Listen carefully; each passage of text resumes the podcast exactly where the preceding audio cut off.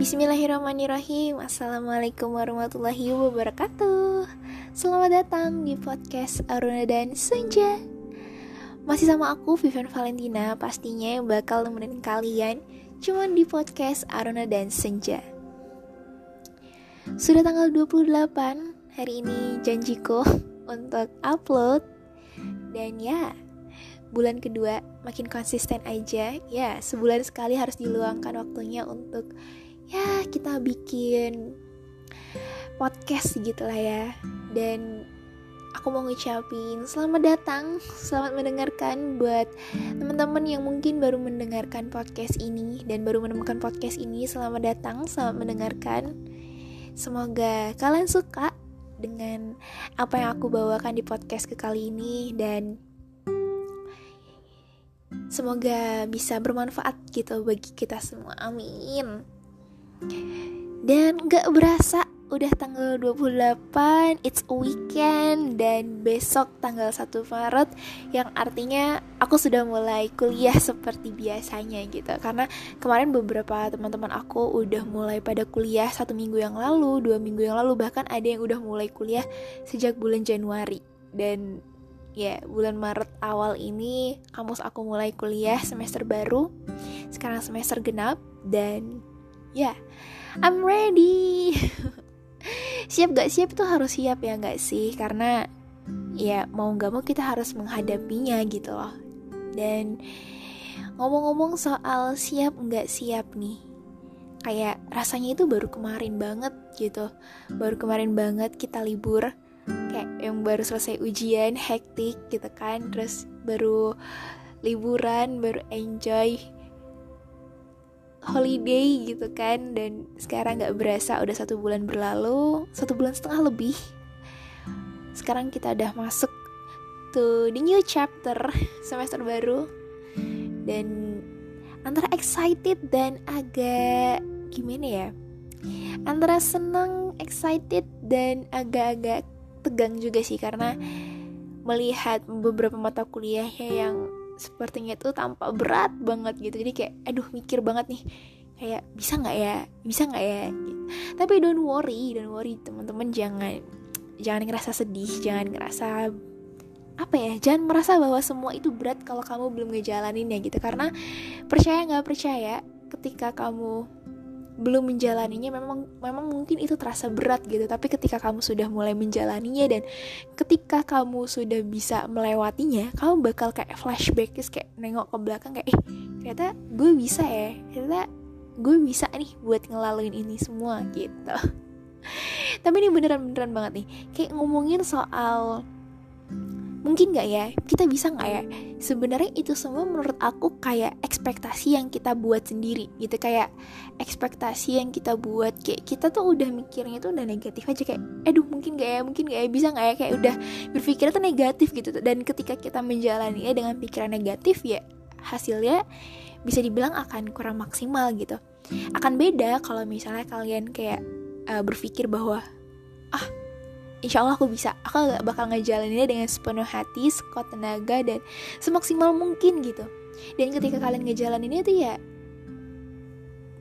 pasti bakal dimudahkan sama Allah gitu. Kayak yang ya udah lurus terus kayak lancar terus kayak yang ya udah and here you go. Kayak udah kayak gak berasa gitu kalau kalian udah ngejalanin itu semua gitu. Dan bahkan yang kadang sering terbesit di pikiranku kayak gini dulu waktu aku SD nih aku tuh kayak sering banget berpikir bahwa ih susah banget sih uh, porogapit. Dulu dulu kan kita kayak belajar yang pembagian itu kan namanya porogapit ya. Kayak ih porogapit ini susah banget sih. Kayak ih kok bisa sih kayak gini? Kayak waktu zaman SD tuh kayak mikirnya ih susah banget gitu. Bahkan kayak yang dulu aku pernah belajar bilangan loncat. Mungkin kalau teman-teman masih inget dulu aku SD belajar bilangan loncat nih kita flashback dikit ya. Aku dulu paling nggak bisa mata pelajaran maksudnya kayak subbab itu di pelajaran matematika aku tuh paling nggak bisa. Udah sampai les sampai kayak yang diajarin tuh tetap gak bisa gitu loh. Dan yang akhirnya kayak mikir ih susah banget susah banget gitu. Terus kemudian ya ibu aku ngebantuin aku dan yes gue bisa.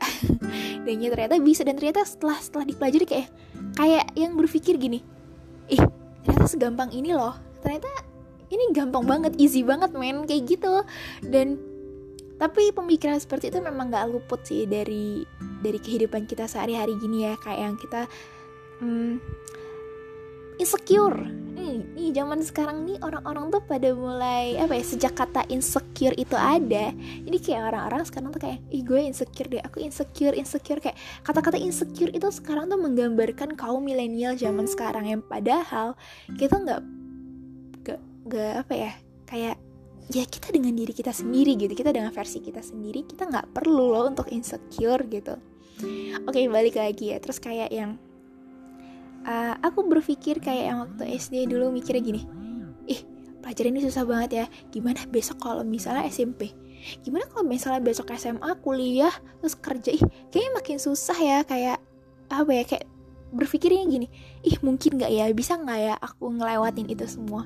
Dan ketika sekarang udah udah kuliah nih udah udah di semester 4 ini dan kayak yang flashback kemarin-kemarin tuh kayak yang ih ternyata dulu waktu kecil mikirnya kayak ih bisa nggak ya? Bisa nggak ya? Ternyata ya setelah dijalanin dan ya dengan enjoy dengan senang hati dengan sukarela dan ya dengan usaha yang maksimal ya udah. Semua tuh bisa terlewati aja gitu loh cuman balik lagi tergantung bagaimana prosesnya ya teman-teman. Kalau misalnya proses kalian ya enjoy menikmati dan berusaha dengan maksimal ya tentu saja. Maksudnya kayak hasilnya bakal baik gitu. Tapi kalau misalnya kalian mungkin dalam prosesnya main-main atau nggak serius atau kayak yang udah deh masa bodoh gitu. Ya mungkin hasilnya juga akan seperti itu gitu. Jadi kayak menurut aku balance sih. Kayak apa yang pernah orang tua dulu bilang apa yang kamu tanam itulah yang kamu tuai gitu. Dan ngomongin soal insecure nah nih kalau ngomongin soal insecure mungkin waktu SD itu kayak uh, insecure-nya teman-teman waktu SD dulu adalah gini ih nilai dia bagus banget nilaiku kok jelek banget ya kayak gitu kan. Kayak yang uh, sedih atau kayak merasa apa ya ih kok nilainya sedih banget sih? Ada gak sih di antara teman-teman di sini kayak yang berpikir kalau eh nilai aku kecil nih nilai dia besar ya gitu. Atau kayak waktu SD tuh kalian biasa aja gitu kayak yang ya udah deh nilai gue emang kecil ya udah kayak yang cuek. Atau kalian yang kayak ambis gitu loh maksudnya ya punya target gitu loh nilai aku harus sekian gitu. Aku harus juara satu nih atau aku harus um, ranking 5 besar gitu. Punya nggak sih teman-teman kayak um, target-target seperti itu atau tuntutan mungkin ada yang dituntut sama orang tuanya untuk harus kamu harus juara satu kamu harus tiga besar kamu harus masuk uh, juara gitu. Ada nggak sih di antara teman-teman yang kayak gitu? Mungkin kalau ada ya selamat.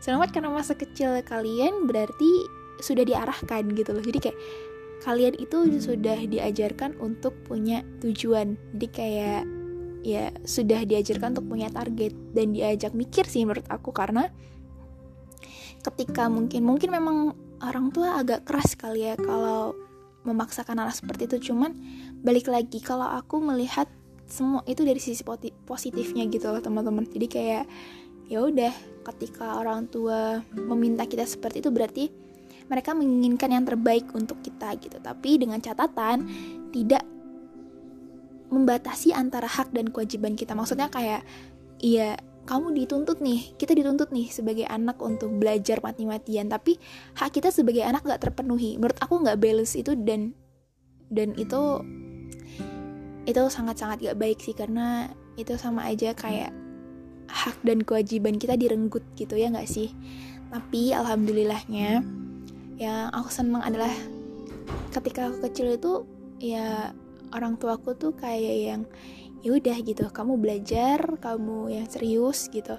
Main boleh santai boleh tapi tahu waktunya belajar belajar waktunya untuk ngerjain PR ngerjain PR gitu. Jadi kayak yang balance di udah emang udah diajarin buat balance antara belajar dan bermain.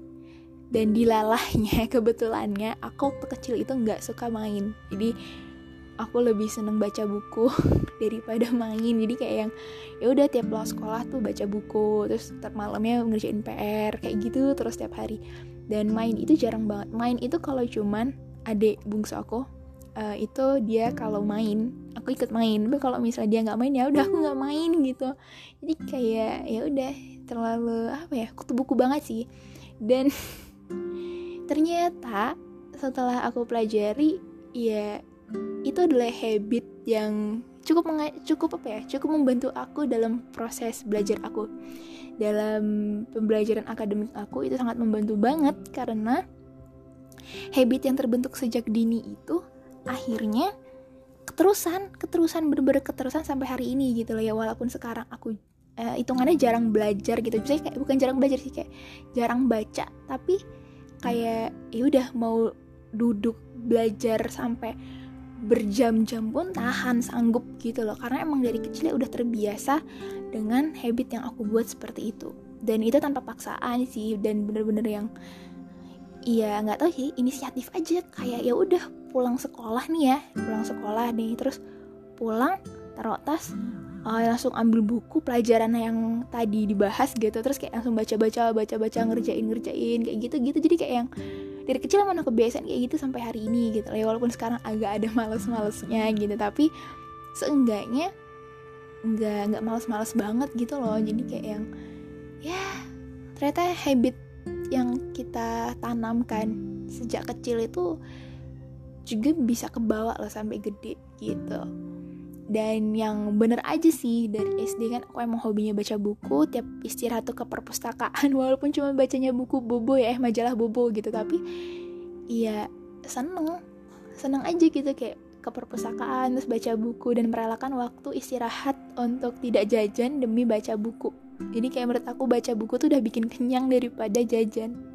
Nggak tahu sih mungkin ini aneh tapi ini apa yang aku alami dulu gitu loh. Dan ketika aku mau masuk SMP waktu itu aku pun alhamdulillahnya masuk SMP uh, eh, jalur prestasi gitu cuman lewat rapot doang. Karena ya nilai aku ya lumayan lah saat itu sampai aku akhirnya bisa masuk ke SMP negeri uh, lewat jalur prestasi atau pakai nilai rapot gitu.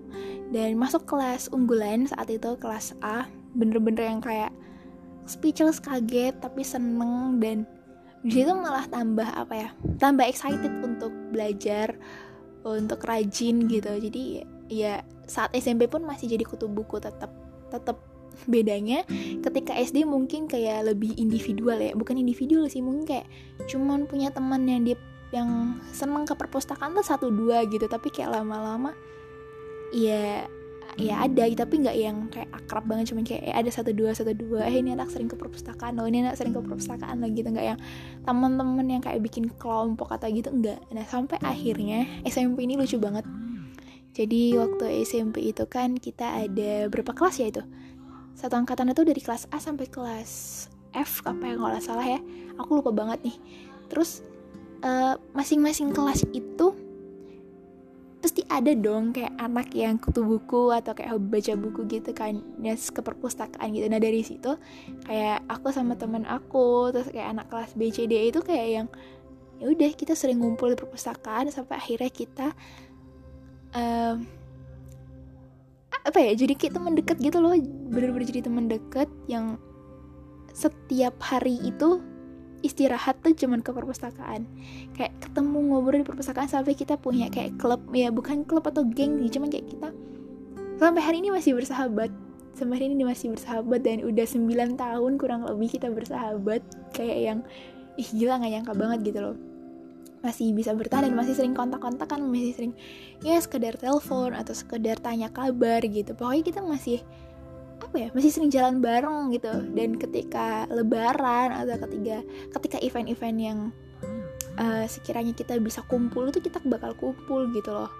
Dan itu seneng banget sih seneng banget sih. Dan menurut aku masa-masa yang paling indah itu adalah masa-masa SMP karena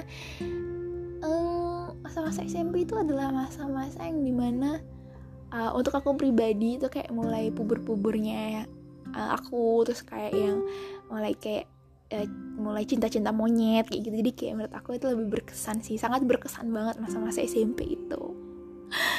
Ya begitulah. Coba menurut teman-teman aneh gak sih? Kayak aku aku begitu gitu lah kayak yang emang dari dulu tuh emang hobinya tuh baca buku. Kayak nggak tahu kenapa gitu. Karena kayak udah termindset baca buku baca buku terus gitu. Yang kemudian berlanjut nih berlanjut sampai ke SMA beneran.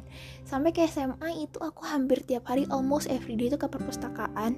Kayak cuma baca buku atau sekadar minjem buku yang bahkan waktu SMP itu dapat eh, SMA SMA ini dapat penghargaan best reader. Best reader tuh jadi kayak yang uh, yang aktif yang paling sering ke perpustakaan buat baca buku atau minjem buku. Kayak pengunjung paling aktif gitu deh pokoknya. Kayak pengunjung yang paling sering pinjem buku gitu. Dan aku termasuk salah satu uh, aku aku adalah salah satu bukan salah satu sih kayak emang satu-satunya gitu kayak yang the first place nya gitu karena aku cuma satu gitu kan. Aku menjadi best reader saat itu waktu SMA dan menurut aku itu kayak wow. Ya jarang ada sih memang memang saat SMA jarang ada sih kayak yang orang mau ke perpustakaan paling kayak jarang-jarang gitu. Sedangkan aku adalah memang pengunjung setiap perpustakaan. I don't know why tapi kayak emang hmm, punya kepuasan batin aja gitu loh kalau main ke perpustakaan gitu dan yang akhirnya sampai kuliah saat ini. Aku masih ya masih sering baca lah masih sering baca atau kayak lihat buku gitu kayak ada bazar buku atau apa gitu. Kayak bazar buku atau ke toko buku gitu kayak eh iseng deh lihat lihat lihat buku. Tapi uh, niatnya awalnya nggak beli niat awalnya tuh nggak beli cuma lihat lihat jadi kayak lama-lama ih bagus nih bagus bagus ah beli deh beli gitu. Dan ya udah kayak cuma dibeli tapi dibacanya tuh kayak eh nanti berapa minggu kemudian baru dibaca kayak gitu. Tapi kayak apa ya tetap punya rasa ininya sih senengnya sih kayak uh, masih sering baca gitu. Karena sekarang lebih seneng baca lewat di handphone lewat ebook atau baca di kayak di Wattpad atau webtoon kayak cerita-cerita elektronik gitu loh. Jadi tetap aja judulnya tetap membaca tapi um, sudah tidak pakai buku tapi pakainya uh, elektronik book gitu buku elektroniknya gitu. Tapi lucu banget sih kalau bisa kita flashback ke masa-masa dulu gitu kan. Kayak mungkin ada dari kalian yang hobinya mungkin uh, main game atau sering main warnet gitu kan. Terus akhirnya sekarang jadi gamer handal gitu kan atau mungkin juga ada di antara kalian yang mungkin dari kecilnya jago masak hobi masak sampai sekarang mungkin bisa um, atau sering masakin buat keluarga gitu kan. Jadi kayak yang ya apa pun itu aku harap kalian nggak perlu untuk insecure sama diri kalian sendiri dan mengingat bahwa apa yang kalian lakukan dan kalian bisa bertahan sampai hari ini itu adalah suatu suatu hal yang luar biasa. Kalian bisa melewati hal-hal itu rintangan itu sampai kalian masih bisa ada sampai hari ini tuh luar biasa banget karena kalian keren banget. Kalian bisa bertahan kalian bisa melalui itu semua sampai hari ini dan masih bertahan sampai hari ini. Aku cuma mengucapin selamat kamu sudah bisa bertahan sampai hari ini. Kamu sudah bisa berjuang sampai hari ini dan kamu masih bisa berdiri sampai hari ini dan yang harus kamu ingat adalah kamu harus untuk berpikir maju ke depan kamu harus bisa untuk membahagiakan diri kamu sendiri dan membahagiakan orang yang ada di sekitar kamu, berguna bagi diri kamu, bagi bangsa, bagi negara, bagi agama. Dan yang enggak lupa, kamu harus tetap bersyukur. Kita semua. Kita semua harus tetap bersyukur bagaimanapun keadaannya. Kita harus tetap bersyukur dan untuk berpikir positif. Karena jujur, susah banget buat aku nemuin orang yang bisa berpikir positif di tengah di tengah hal apa pun itu pasti orang akan berpikir negatif walaupun memang kita perlu untuk berpikir kemungkinan-kemungkinan yang akan terjadi tapi apa salahnya sih kita mencoba untuk berpikir positif karena ketika kita mencoba untuk berpikir positif atas segala hal percaya hal-hal positif itu membangkitkan energi positif yang ada di sekitar kamu juga. Aku Vivian Valentina dari podcast Rana dan Senja. Mohon pamit undur diri. Mohon maaf apabila ada kesalahan bagi teman-teman semua yang mungkin mau cerita, mau sharing, mau curhat atau apa pun itu bisa banget untuk DM Instagram aku di @vivian.vlntn jangan lupa untuk di follow atau kalian juga bisa email aku di vivianvalentina11@gmail.com jangan lupa untuk untuk terus dengerin podcast aku tanggal 28 setiap bulannya. Aku Vivian Valentina. Assalamualaikum warahmatullahi wabarakatuh. See ya